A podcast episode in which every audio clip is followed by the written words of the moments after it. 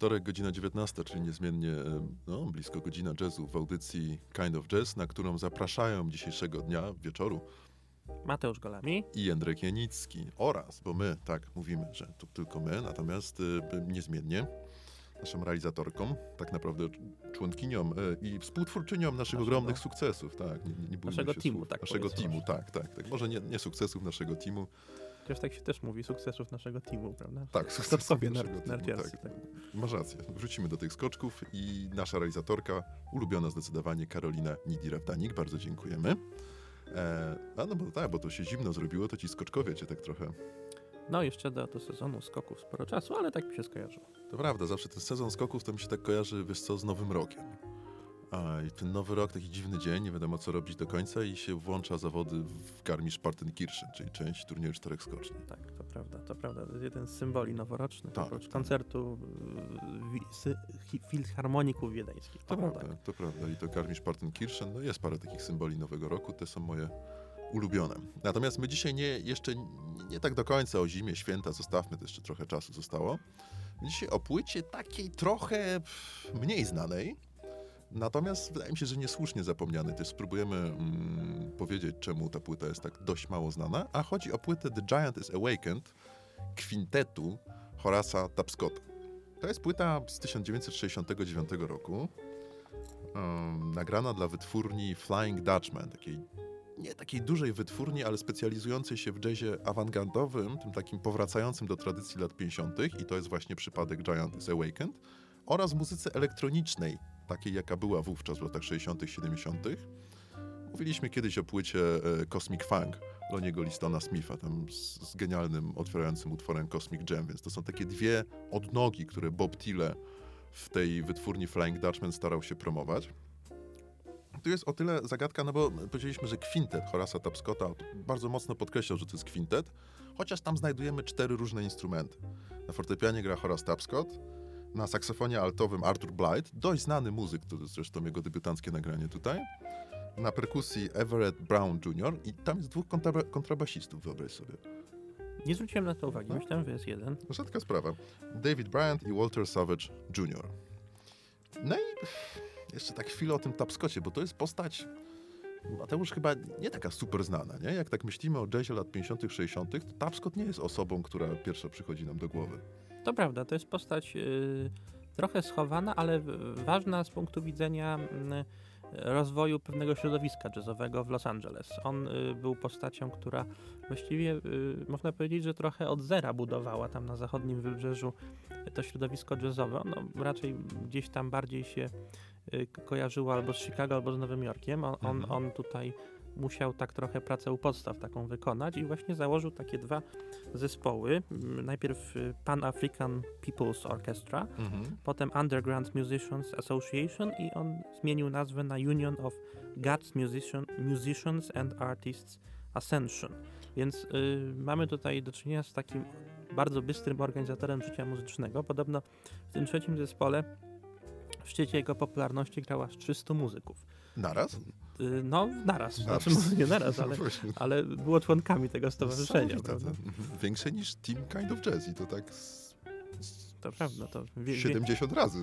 tak, to nawet więcej niż orkiestra u Malera, prawda? Bo Tak, tak, masz chór plus, plus Mhm. orkiestra to i tak było mniej niż 300. Mhm. Ale oczywiście żartujemy, bo na pewno nie, nie grali nigdy razem, ale tworzyli takie środowisko, prawda? I, i to środowisko bardzo dużo mu zawdzięcza, bo on właściwie tych ludzi no, skrzyknął, jakoś tam wspierał, prawda? I, w taki sposób y, mentalny i związany z rozwojem Mhm. muzycznym, prawda? Może nawet finansowym, aż szczegółów tak nie znam. Więc to, to było bardzo, bardzo ciekawe takie środowisko w tamtym czasie i przede wszystkim takie wspierające, prawda? I, i właśnie Tapscott y, na tym wypłynął, można powiedzieć. Tak, tak, tak. I ten zespół, dobrze wspomniałeś, Pan African's People Orchestra, e, People's Orchestra. Oni też dość mocno sięgali w taką stronę, której nam, nie wiem, się poruszał tego spiritual jazzu. To był zespół bardzo mocno zaangażowany w, e, jeżeli chodzi o kwestię ró- równouprawnienia ludności czarnoskórej. Bardzo dużo dobrej roboty, można powiedzieć wprost, takiej na poziomie społecznym też zrobili. Muzycznie to też się broniło. Są nagrania tego, te, te, te, tej kapeli dostępne w internecie.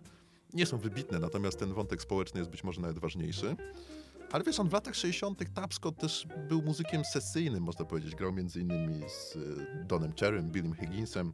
napisał aranże na taką fantastyczną płytę, o której kiedyś powiemy e, Sonny's Dream, Sonnego Chrisa. Bardzo ciekawa płyta z 67, nie, z 68 roku.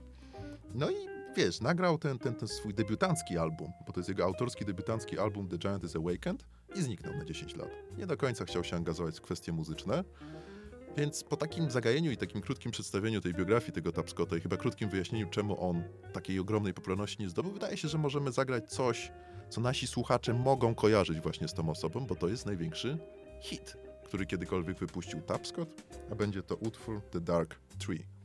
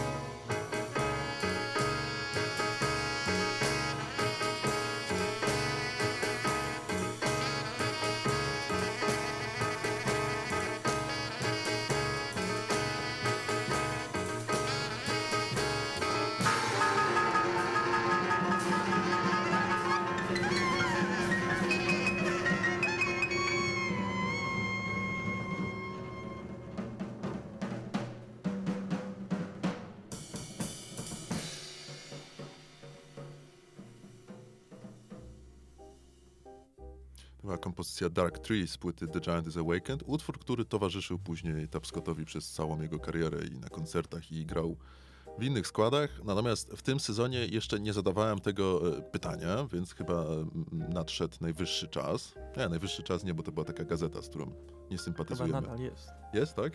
No ja nie czytam, ale, ale chyba dalej istnieje. Tak Też wydaje. nie czytam. Staram się omijać tego typu periodyki.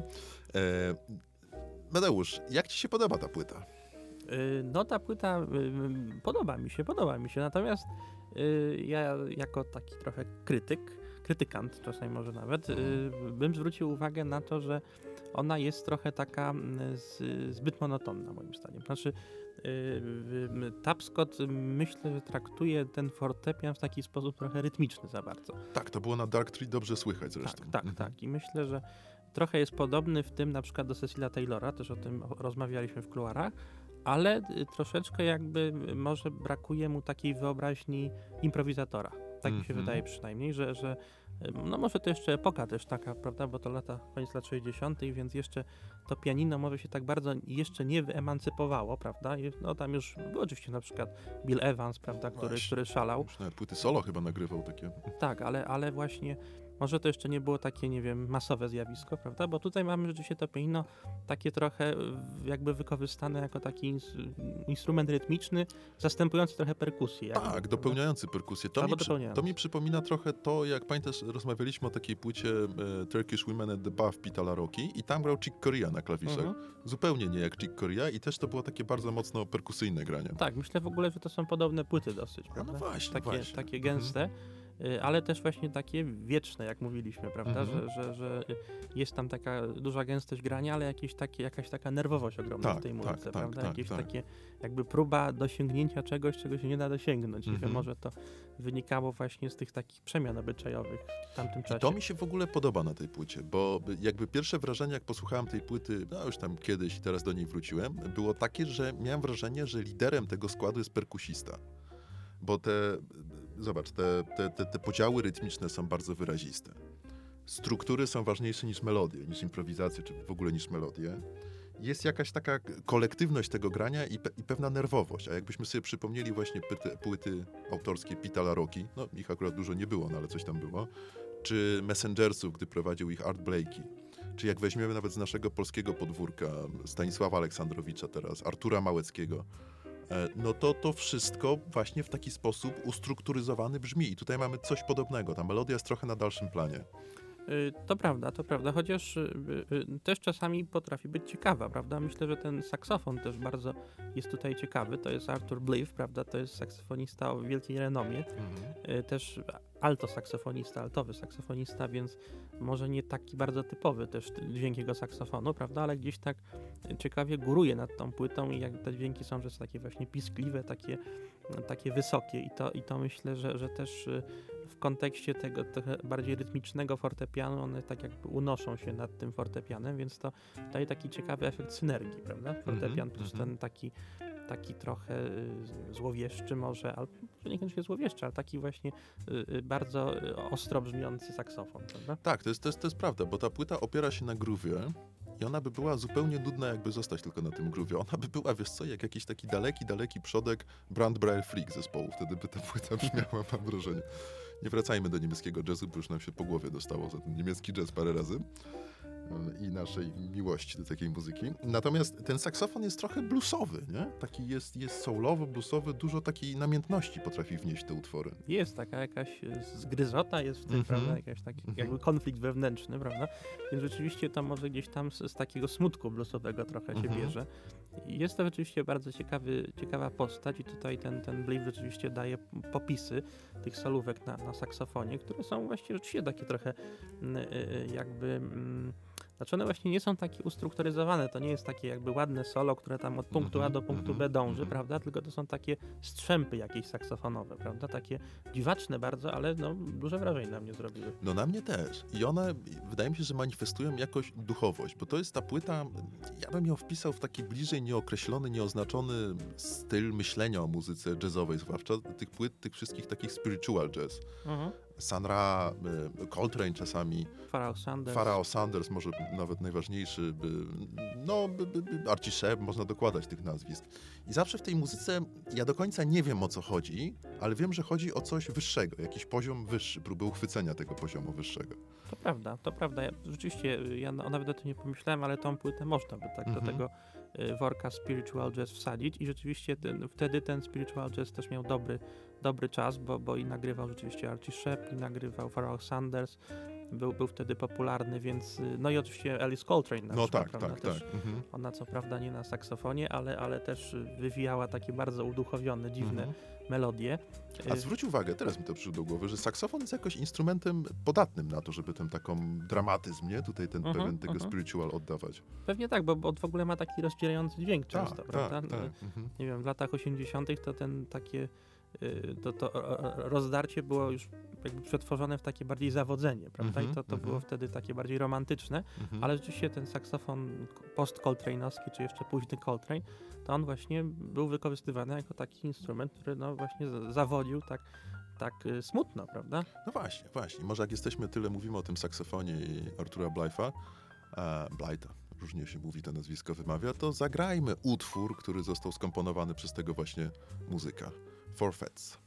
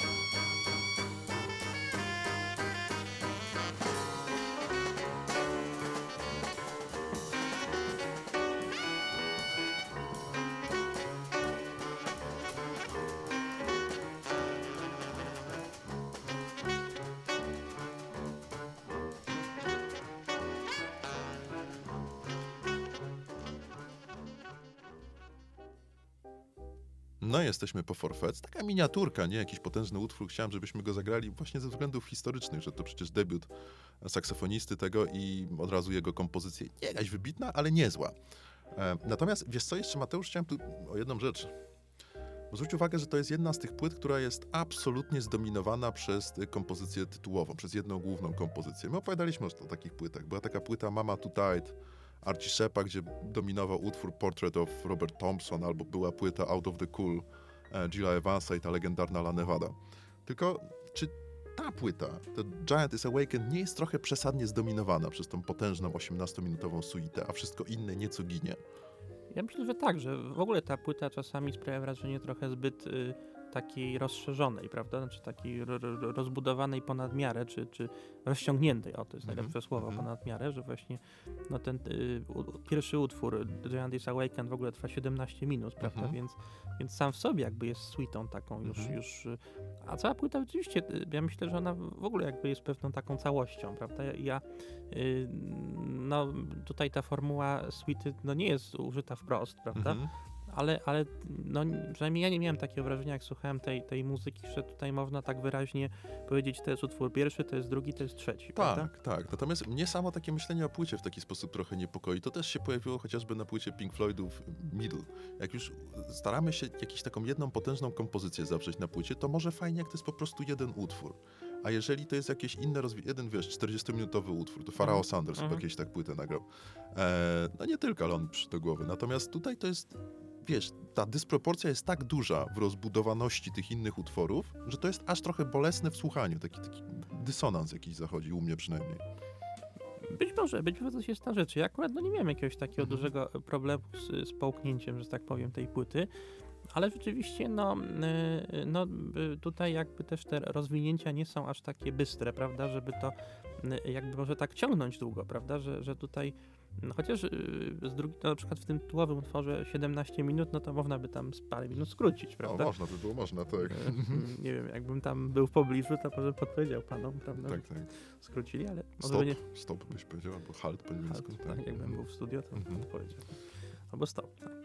Jakbyś Bobem Tille był, krótko mówiąc. Mm. Jakbym był Paweł Tyle, tak. To też jest wyraźnie słyszalne w tym utworze Dark Tree, chociaż ja trochę będę bronił tego. Wiesz co, bo mm, często my się spieramy na ten temat, bo ja uważam, że jeżeli utwór jest, w utworze się mało dzieje, tak jak to nazywasz, pełna zgoda na poziomie jakichś tam rozwiązań struktura, strukturalnych czy melodii nawet, to z drugiej strony zaczynamy, trochę jak muzyce techno, zupełnie zatapiać się w tą taką powtarzającą się frazę i ona nabiera trochę takiego jakby nowego znaczenia. Zaczyna nas napędzać, wprawiać w inny stan. To jest takie trochę już transowe słuchanie muzyki. Mhm. W jazzie rzadkość i przez to to jest trochę takie zaskakujące przynajmniej. Niektórych negatywnie, niektórych pozytywnie. To prawda, to prawda, że oni się rzeczywiście chyba tak y, zatapiają w tym, co, Mhm. w tym, co grają. Mhm. Nawet się zrymowało. Rzeczywiście. Y, No i to rzeczywiście robi w pewnym momencie takie wrażenie takiej trochę transowości, Mhm, prawda? I mhm. rzeczywiście ta transowość y, się wybija w tej, w tej muzyce, no, chyba nawet na pierwszy plan, tak można powiedzieć, ale y, no y, y, rzeczywiście ja bym ciągle jakby uważał ten za- zarzut za celny, że że to jest jednak płyta trochę rozciągnięta za bardzo, ale rzeczywiście transowa jest, transowa Mhm. jest, prawda? I ta transowość też mi się udzieliła. E, Wpadłeś w trans, krótko mówiąc. Wpadłem w trans. No to chyba dobrze, chociaż nie mam pewności. Jak się jest w transie, to jakieś przeżycia mistyczne można doznawać. No taki, ja akurat y, słuchając tej płyty miałem taki płytki trans, bez, Płytki. bez przeżyć mistycznych. Tak, mistycznych. To profesor Kwietniewska, którą serdecznie pozdrawiamy, byłaby rozczarowana tym płytkim. to na pewno, Trans. na pewno. Sam Kwietniewska uważa tylko, że trans musi być bogaty w przeżycia, prawda? No, jak już wpadać w trans, to na całego, tak z drugiej strony, to rzeczywiście coś jest na rzeczy. Natomiast fajne jest na tej płycie, ja takie miałem wrażenie, y, jakby się podsłuchiwało trochę tych muzyków w studio. Albo nawet nie tyle w studio, co podczas jakiejś tam imprezy, prywatnego spotkania u któregoś z nich. Taki, taki rodzaj y, bliskości tego grania bardzo mi się podobał.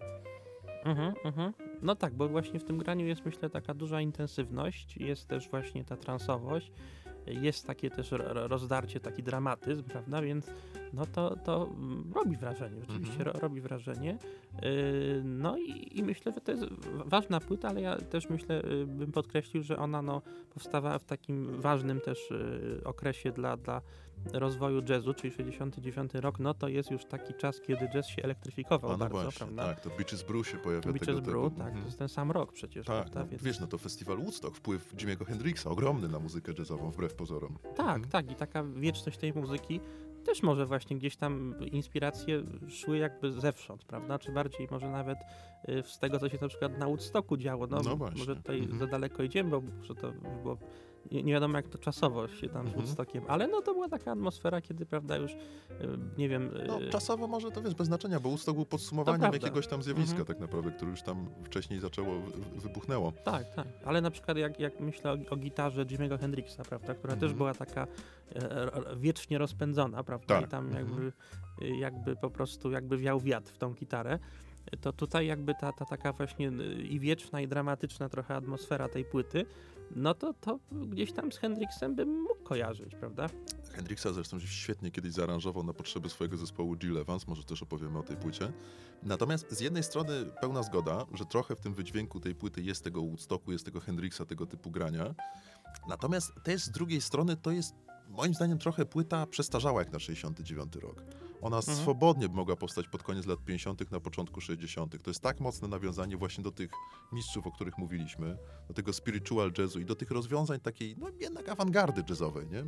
Lepszej, gorszej awangardy jazzowej, Cecilia Taylora, że to śmiało płyta mogła powstać 8-9 lat wcześniej, mimo wszystko, mimo tego takiego Mhm. woodstockowego trochę vibe'u w tym. Znaczy ja myślę, że, że nie do końca. To znaczy, że jakby co, y, jakby mm, co do rdzenia, prawda, to tak, to tak, to rzeczywiście jest ten spiritual jazz, który tam już wcześniej się rozwijał, czy, czy taki free jazz mocny.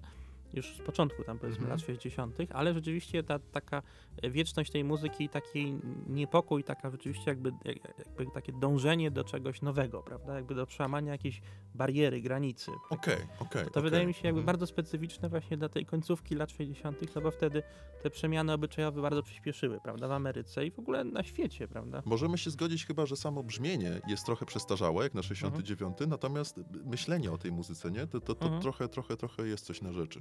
I właśnie to, to podobieństwo myślę do tej płyty y, Turkish Women at Bath, prawda, że, że one są rzeczywiście jakoś tam, można by je tak skleić ze sobą trochę. Też mi się tak wydaje na poziomie brzmieniowym. Ta, ta jest niestety trochę gorzej wyprodukowana. Tutaj wydaje mi się, że to, ten, ten, to, ta produkcja no, nie stoi na tak ogromnie wysokim poziomie. Nie? Te, te instrumenty trochę takie są, jakbyśmy ze starej taśmy jakiejś słuchali. No. Ja nie potrzebuję Mhm. audiofilskiego odsłuchu, ale czasami ta jakość brzmienia jest trochę zepsuta, mam wrażenie po prostu. Jest, jest, bo jest taka też gorąca, prawda? No jest tak, taka, mhm. taka właśnie y, jakby, jakby właśnie y, y, szczerość kosztem jakości, coś Mhm, takiego, Trochę prawda? tak, trochę też takie miałem wrażenie. Nie wiem, jakby na przykład Mhm. wtrącał na przykład jakby, nie wiem, Jeff, jak mi się kojarzy e, zespół Jefferson Airplane, który też wtedy był popularny, prawda? I na przykład te ich piosenki, które są takie brudne właśnie, Mhm. prawda? I, I ta produkcja Jefferson Airplane z lat 60. jest, jest bardzo brudna, prawda? Tam w Mhm. ogóle nie ma, nie ma takiej, takiego masteringu profesjonalnego, ale to chyba jest celowe, bo chodzi właśnie o ukazanie tej epoki takiej zmian, prawda? I myślę, że tutaj jest podobny zabieg zastosowany. Być może, być może to jest celowe. Jefferson Airplane od razu mi się przypomina, e, nie wiem czy pamiętasz taką książkę Lęki od raza w Las Vegas Huntera Thompsona, później był film na podstawie Tak, słynna książka. Las Vegas Parano Parano. i tam w jednej ze scen takiej no dość ostrej imprezy, tak powiedzmy, tych dwóch głównych bohaterów właśnie jak jeden z nich się w wannie znajduje, jest utwór grany Jefferson Air- Airplane. Somebody to love. pewnie. No nie będę zdradzał, który to sobie ktoś chce, to tam może Sobie dosłuchać, tak. tak. No wiesz, jeszcze jest druga opcja, że White Rabbit, czyli jeden z tych dwóch. Na pewno, Na pewno to tak. któryś z tych dwóch. E, I to robi wrażenie. To jest trochę takie, wiesz, taki ten schyłek tej takiej hipisowskiej ery. Trochę już rozumiemy, że ci hipisi nie do końca mieli rację. Trochę już rozumiemy, że ten świat nie do końca jest taki kolorowy, jak to, co oni próbowali nam przedstawić. Jakoś za tym tęsknimy, a już jesteśmy w trochę innej rzeczywistości. To jest dziwny moment. Mhm. Mówię trochę o tej prozie Thompsona z Lęki od raza w Las Vegas. I ta płyta Giant is Awakened też jest trochę taka. Też, też na, na pewno właśnie tak, bo, bo, bo dawa właśnie sobie ten brud, prawda? Mhm. Ten mm, taki, taką autentyczność wynikającą z, z takiej nie, jakby nie, nie, nie oszlifowania tej muzyki, Mhm, prawda? Ona mhm. rzeczywiście jest taka, taka autentyczna, szczera, y, przez to mówimy brudna, prawda? Tak po, po, potocznie Potocznie, w cudzysłowie, tak. prawda? Że, że jest jakby nie, nieobrobiona, tak? I, i, ale to myślę, że, że akurat paradoksalnie może w niektórych płytach to przeszkadzać, prawda? Ale Mhm. akurat na tej płycie wydaje mi się, że to jej pomaga po prostu. W ogóle zwróć uwagę, teraz mi przyszło do głowy, że to jest ciekawa kategoria estetyczna, brud, która w muzyce jest y, często wykorzystywana jako coś pozytywnego, coś na tak.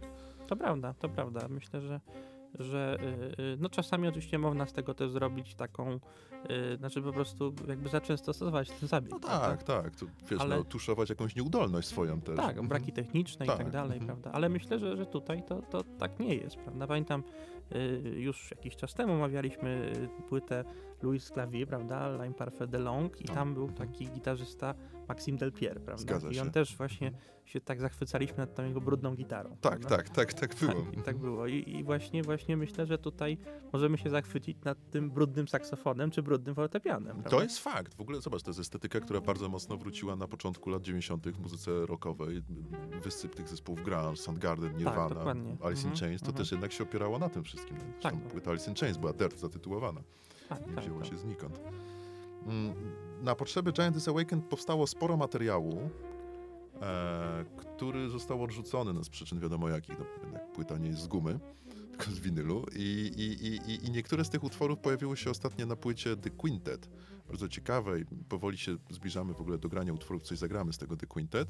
I co ciekawe, Tapscott wyselekcjonował na to Giant is Awakened, bo ja słuchałem tego The Quintet, te takie utwory, powiedziałbym, najdelikatniejsze. To, co nie znalazło się na płycie, to było takie ciężkie, mocne, bardzo gęste granie. Czyli tutaj jakby poszedł trochę stronę delikatniejszą, bo to jest chyba też ciekawy rys tej płyty, że ona mimo tego, że jest mocno awangardowa czasami, to jest delikatna mimo wszystko w tym, w tym brzmieniu. Jakoś tam. Mhm. Tak, no pewnie nie jest taka, taka bardzo y, też yy, dająca po uszach, jak to się mówi, prawda? Mhm. Ale, ale słychać myślę, tam jednak ten dramatyzm, takie rozdarcie, prawda? I tą wieczność taką, Motoryczność. Taką. motoryczność, tak, dynamikę tej płyty. To jest, to jest ciekawe. Myślę, że im dłużej o niej mówimy, tym się Tym staje fajniejsza nas jest ta płyta, Tak, tak, to prawda. Też takie mam wrażenie. Wrócę do domu, zacznę słuchać. to prawda, to prawda. Ja chyba też. No właśnie. Eee, no dobra, to co? Będziemy grać. Zagramy oczywiście to, co tak długo zapowiadaliśmy, czyli tą potężną suite Giant is Awakened. Zagramy ją w całości. Radio gra takie utwory w całości. Chyba. Chyba się zmieścimy. Na E, pewno. mamy Chyba- nadzieję. Mamy nadzieję. Się tak zareklamowaliśmy i zagramy chociaż fragmencik, a być może całość utworu World Peace, który jest, znalazł się na tej płycie The Quintet, a pierwotnie nie znalazł się na Giant is Awakened, ale pochodzi z tamtej, z tamtej Sesji. sesji. Czyli co teraz? Blisko pół godziny z Horacem Tapscottem i jego kwintetem. Zapraszamy serdecznie. A my bardzo dziękujemy i słyszymy się za tydzień. Dziękujemy.